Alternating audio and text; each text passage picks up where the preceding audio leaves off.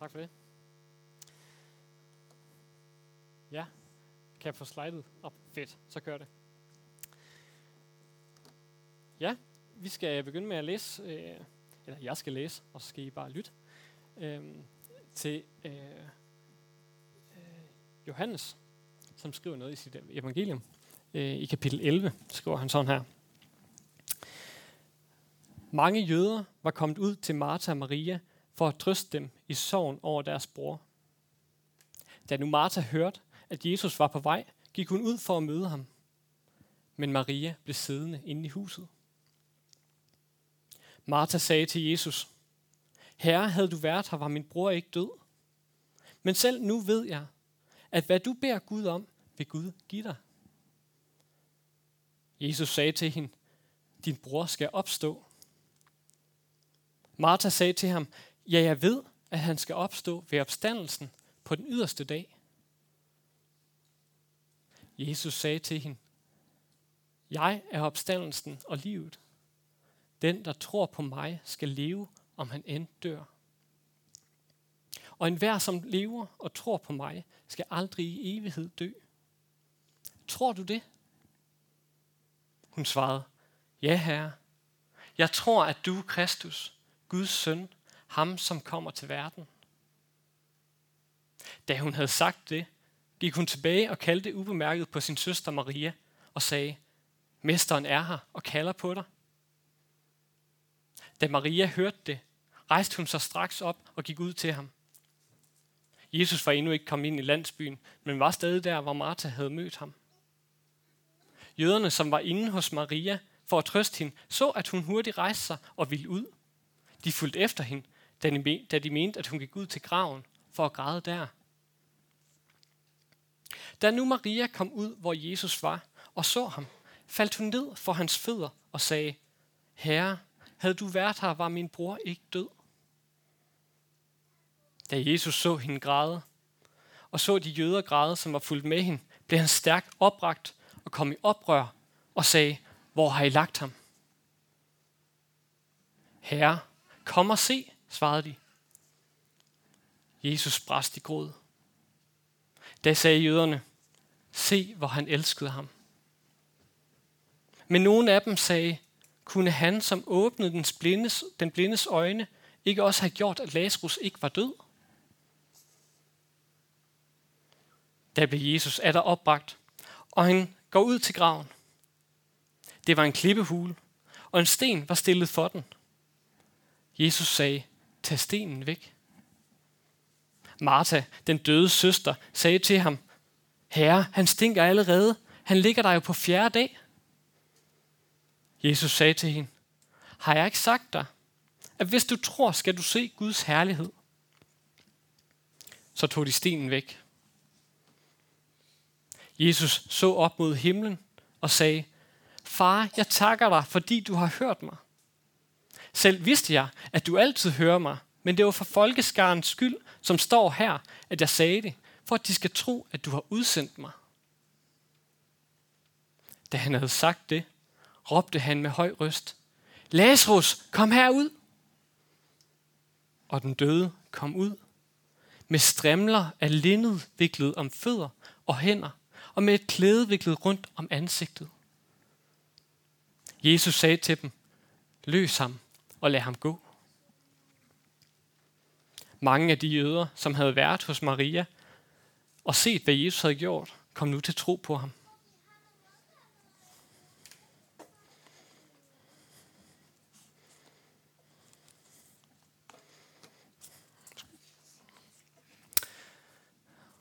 Lazarus er for få dage siden død.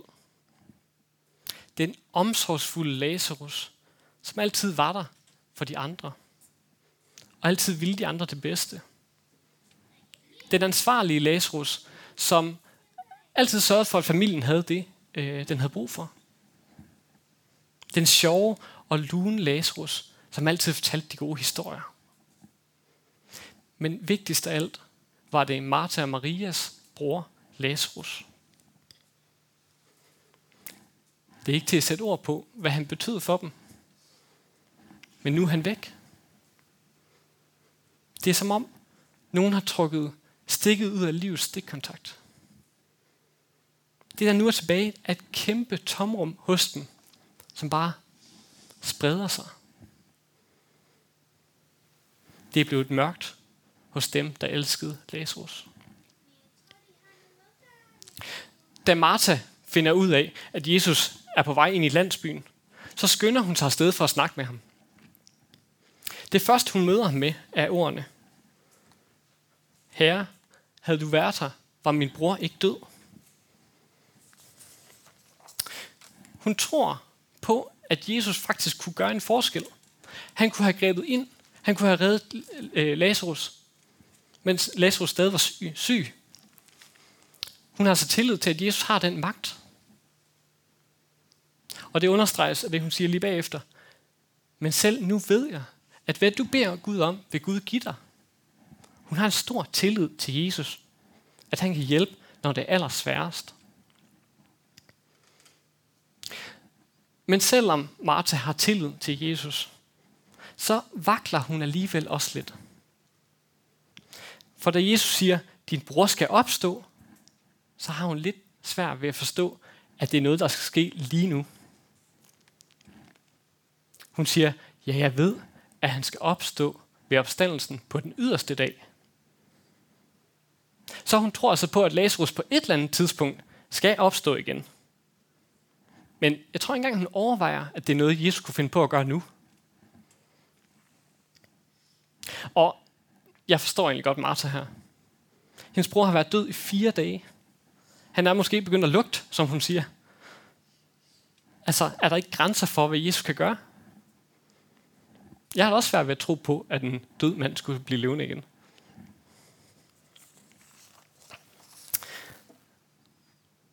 Da Martha og øh, Jesus senere står ved Lazarus grav, øh, så der hun stadig har svært ved at forestille sig, at Jesus kan gøre noget lige nu. Jesus siger, tag stenen væk. Men så siger hun som sagt, Herren stinker, øh, herre, han stinker allerede. Han ligger der på fjerdagen.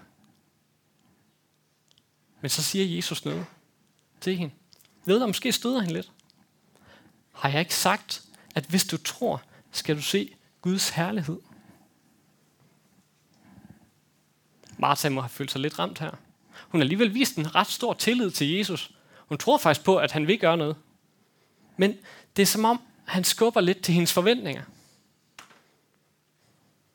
Martha, har du ikke tilliden til, at jeg har al magten? Tror du ikke på, at jeg kan gøre det umulige? Og her bliver jeg selv lidt udfordret. For det, det sker der er til, at øh, jeg møder øh, et andet menneske, og, og måske får en tanke om, at jeg skal bede for det her menneske. Men øh, jeg har faktisk lidt svært ved at gøre det. For hvad nu, hvis Gud ikke griber ind? Hvad nu, hvis Jesus faktisk ikke har den magt? Hvad nu, hvis han ikke vil gøre noget? Det kan godt gøre, at jeg nogle gange holder mig selv tilbage, og ikke tør at gå i troen. Har jeg ikke sagt dig, at hvis du tror, skal du se Guds herlighed? Måske, hvis jeg stolede mere på Jesus magt, så vil, så vil Gud også vise en større del af hans herlighed. Måske hvis jeg turer og dele nogle af mine vidensbyrd med mennesker omkring mig, at Gud også vil gøre noget ind i det. Måske hvis jeg turde bede for et andet menneske, vil Gud også vise sin magt der. Og måske hvis jeg bad Gud om at gøre noget i den svære situation, som jeg måske kan stå i en gang imellem, at han faktisk ville handle.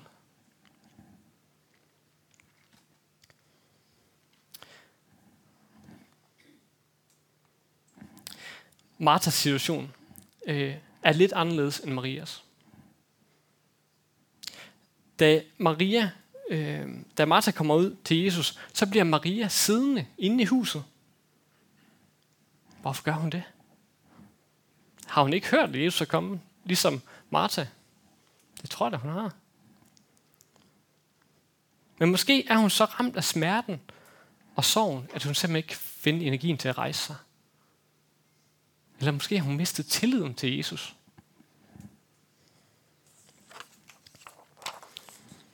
da Jesus spørger direkte efter Maria, så henter Martha hende, og hun kommer ud til Jesus. Og hun siger de samme ord som Martha. Men hun siger dem måske ikke med helt samme sikkerhed. Herre, havde du været her, var min bror ikke død.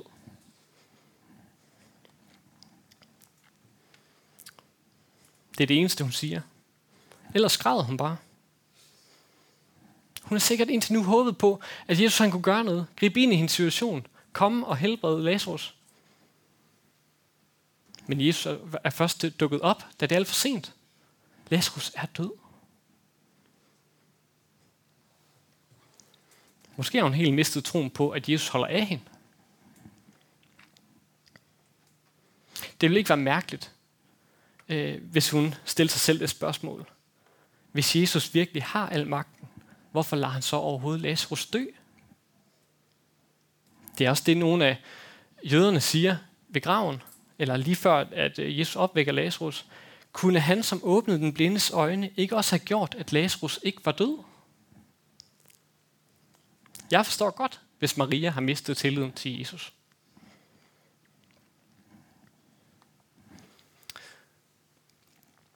Jeg ved ikke, om nogen af jer har set uh, True Detective. Det er fra sæson 1, det her. Og de hænger ikke sammen sæsonerne, så bare se sæson 1, hvis I vil se noget af det. Øhm, for det første så er jeg virkelig kæmpe fan af ham til venstre her. Matthew McConaughey. Jeg synes virkelig, han gør det godt. Også i Interstellar, hvis der er nogen, der har set det. Nå, nu, det er et tidsspor også. Men øh, derudover, så er det virkelig en af de vilde serier, jeg nogensinde har set. Altså, der sker virkelig meget, og gør virkelig et kæmpe indtryk. Øhm, serien handler kort fortalt om de her to kriminaldetektiver, øh, som forsøger at fange en seriemorder. Øh, og det er jo ikke så vildt i selv. Der er masser af serier, der handler om det. Øh, men det, der er ved den her serie, det er, at øh, efter jeg har set den, så står jeg tilbage med en erkendelse af, wow, der er virkelig meget mørkt i verden. Der er virkelig meget ondt her, og virkelig meget ondt i mennesker. Og nogle af de spørgsmål, som detektiverne her selv stiller sig selv i, i serien, det er, hvad er meningen med livet, når der er ondskab? Hvad er meningen med livet, når det er mørkt? Kan, den gode, kan det gode nogensinde sejre? Er der en godhed, som kan overvinde det mørke? Overvinde det onde? På et tidspunkt i serien, da detektiven ham til venstre, Rust Cole, undersøger et bestemt mor, så øh, finder han en tidligere prædikant, Joel. Før har Joel holdt vækkelsesmøder øh, og prædiket. Han har fortalt om, hvordan Gud han hører et hvert menneskes tanker, og han kender dem ud og ind. Men da Rust møder ham, har han forladt sit kald. Han er fordrukken, han er fortvivlet, han har mistet troen på Gud. Og i samtalen med Rust her, siger han, All my life, I wanted to be near to God, but the only nearness, silence. Altså, altid har jeg ønsket at være tættere på Gud, men den eneste nærhed er stillhed, tavshed. Joel rammer ned, ind i noget af det mest anfægtende overhovedet. Når Gud ikke viser sig. Hvorfor griber du ikke ind, Gud, når du ved, hvad jeg står i? Joel savner Guds nærhed. Bare et lille tegn. En stemme. Man hører ikke noget. Der er bare stillhed. Maria må have tænkt noget lignende. Hvorfor Jesus greb du ikke ind? Hvorfor var du bare stille i flere dage, før du kom? Det gør det så svært at tro på Gud, når han ikke taler. Det er så svært at se Gud, når alt er mørkt. Det er så svært at forstå Gud, når alting virker meningsløst.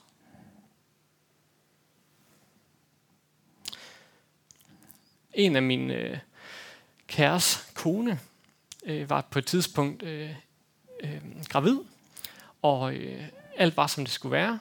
Øh, da hun så kommer ind til en 12 ugers scanning, øh, mærker sygeplejersken efter, sygeplejersken efter og, øh, og, og prøver at måle på maven. Jeg ved ikke, hvordan det fungerer, men ja, prøver så at måle på maven. Og, øh, og øh, prøver at se, om der er hjerterytme. Øh, og hun finder faktisk ikke nogen hjerterytme.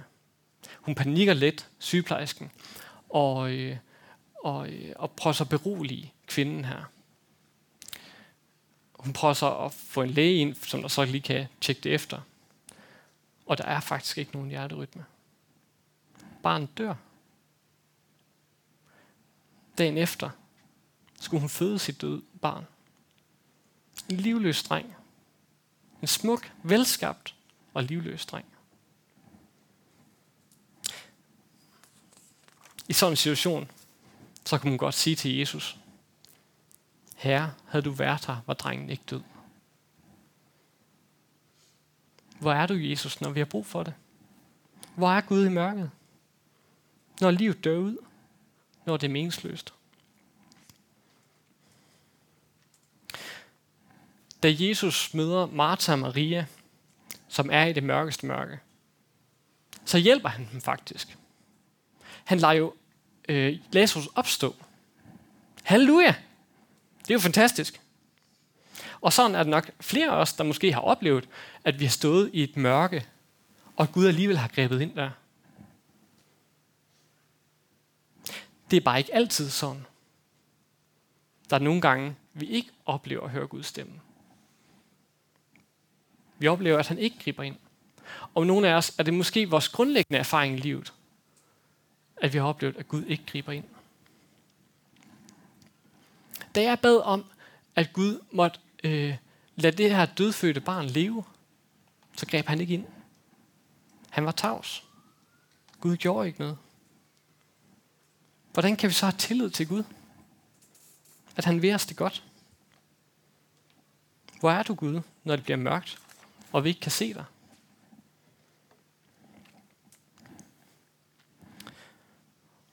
Nogle år siden var skuespilleren Bo Jørgensen øh, ved at med i nogle optagelser til en far til fire film, har jeg måske hørt om, og hun øh, falder af en traktor og bliver kvæstet øh, ret voldsomt. Øhm, og efterfølgende så bliver hun indlagt på sygehuset, og hun er faktisk ved at dø herinde. Og der har hun en oplevelse, som hun beskriver sådan her. Jeg var i et mellemrum mellem livet og døden. Og der var Gud. Gud var i intetheden sammen med mig. Jeg havde ikke troet, at det ville være sådan, men jeg erfarede det. Alt det, som er sket, er så meningsløst, voldsomt, sort og dystert. Og der var Gud, siger hun. Det er en helt gennem tragisk ulykke, hun har været ude for. En uforståelig ulykke. Men midt i fortabtheden, der oplever hun, at Gud faktisk er der. Hun får ikke svar på, hvorfor det skete med hende. Men hun erfarer, at Gud er der på grænsen mellem livet og døden. Midt i det alt overskyggende mørke, der var han. Og i salmen, som øh, Mads Peter læste op før, salme 139, øh, som er en salme af David, øh, der siger han, at Gud er der lige meget, om man så er i dødsriget. Om man så går til dødsriget, så er Gud der med ham. Så står, så står det sådan her. Siger jeg, mørket skal dække mig. Lyset bliver til nat omkring mig. Så er mørket ikke mørke for dig. Natten er lys som dagen. Mørket er som lyset. Mørket sænker sig nogle gange over vores liv. Men mørket kan aldrig blive så mørkt, at Gud mister orienteringen. For Gud er mørket ikke mørke. Mørket er for ham som lyset. Han kan altså godt se og finde os, når vi står i mørket. Mørket er ikke mørke for Gud. Det vil være den mest nærliggende tanke øh, at tænke, at Gud er der, hvor der er lys. Der, hvor der er glæde. Der, hvor der er nærhed. Der, hvor jeg mærker hans varme arme omkring mig. Der, hvor jeg ser hans anerkendende blik. Men både Bodils vidnesbyrd og også Davids profetiske indsigt her, maler et andet billede. Gud er også der, hvor der er allermest mørkt. Gud er lige nær, om han føles allerfjernest. Mørket er ikke mørke for Gud. Det bliver også tydeligt i det, Jesus siger i, i teksten i dag. Jeg er opstandelsen af livet. Den, som tror på mig, skal leve, om han end dør. Jesus er godt klar over, at døden stadig er en virkelighed, selvom han har opvækket Lazarus fra de døde. Han opvækker Lazarus, men det betyder jo ikke, at Lazarus ikke skal dø en dag. På et tidspunkt, så vil Martha og Maria komme til at mærke sorgen over at have mistet ham. Men for Gud er livet også i døden, på trods af døden. Lyset og livet kan godt være der midt i mørket. Døden er det største mørke af alle. Så når Jesus siger, at der er liv hos ham midt i det, så betyder det, at der ikke er et sted, som Jesus ikke kan finde dig og mig. Uanset hvordan mørket opleves, om det er sygdom, depression, sorg over en, man har mistet, om det er krise i ægteskabet, om det er problemer på jobbet, om man er tynget af den største synd, uanset hvad, så er mørket ikke mørke for Gud. Så er livet der, midt i mørket. Gud er der, midt i det svære. Den, der tror på mig, skal leve, om han end dør. Han er sammen med os, midt i det. Og sammen med ham er der altid liv. Om så vi kan mærke det eller ej. Da Jesus ser, hvad Lazarus død gør ved Maria, så begynder han at græde. Maria græder, Jesus græder. Han begynder ikke at sige, jamen hør nu Maria, det er jo meningen, Lazarus skal dø, for så kan jeg vise min magt, og så kommer mennesker til tro. Det er jo helt fantastisk. Nej, det siger han ikke. Han siger faktisk ikke noget. Han græder bare. Og så tager han del i hendes smerte. Og så forklarer Jesus måske heller ikke os, hvorfor vi skal gå igennem noget mørkt og svært. Men en dag så siger han, at han står sammen med os midt i mørket. Han lider sammen med os midt i det svære. Og der, han er der med sin livgivende kraft. Og selvom vi ikke oplever det, så er han der. Det er et løfte, som vi får givet i dag.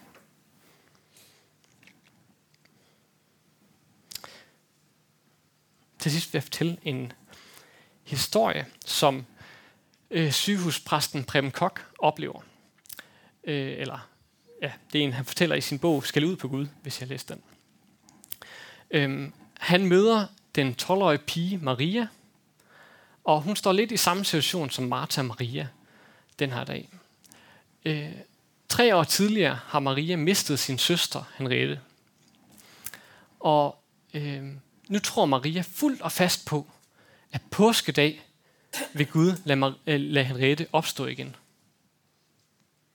Så hun vil bede påskedag, og så, så er hun sikker på, at Gud vil lade hende opstå. Marias forældre er lidt øh, øh, frustreret over det her, fordi hun, de synes virkelig, det er mærkeligt. Øh, og det er derfor, de ringer, ringer til øh, sygehuspræsten Preben Kok her. Preben Kok, han, i stedet for at sige, det skal du være med at gøre, så siger han faktisk, ja, jeg vil gerne bede for dig, og bede sammen med dig påskedag.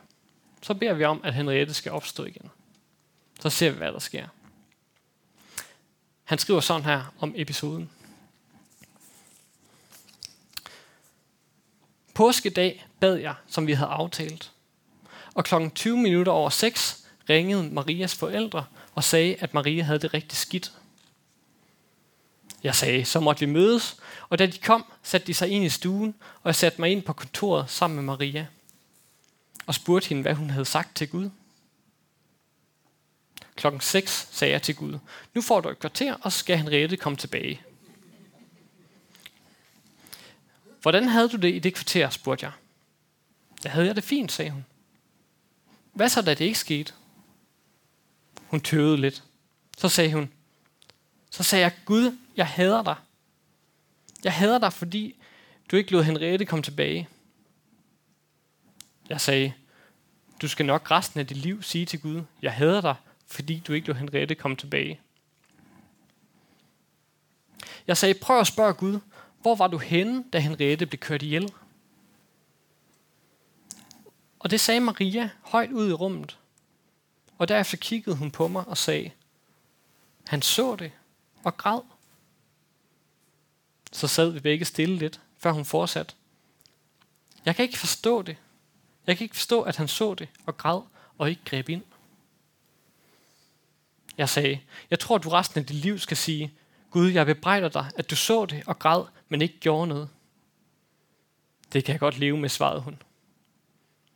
Bare han så det og ved, hvad der skete. Og jeg er glad for, at han græd.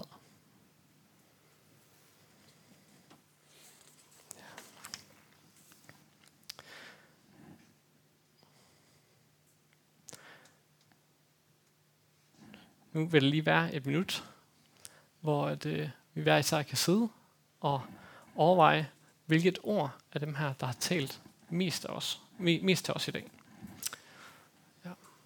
Så vil jeg bede en bøn bagefter.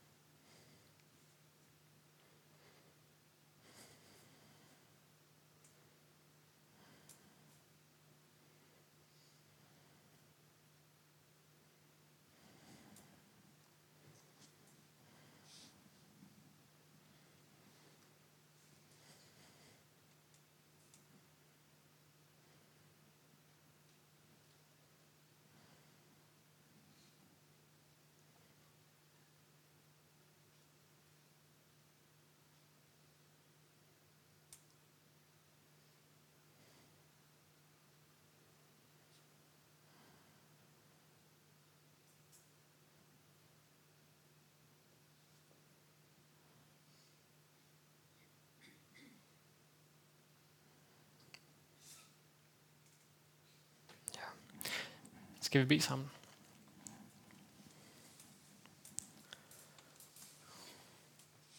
Gud, vi forstår ikke, hvorfor der nogle, ting, nogle gange sker svære ting i vores liv. Vi forstår ikke, hvorfor der er ondskab og mørke. Hvorfor det rammer os. Men tak fordi, at du giver et løfte i dag om, at du er midt i det hele. At du har, at du holder orienteringen. At du kan se i mørket. Se i vores mørke. Vil du give os vidsthed om, at du er der?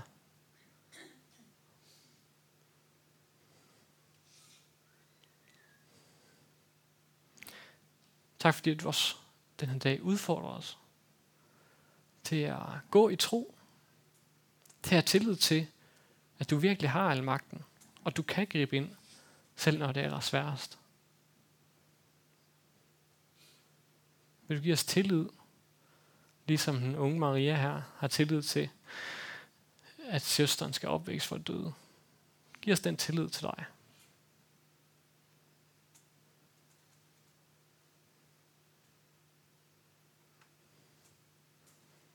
I Jesu navn. Amen.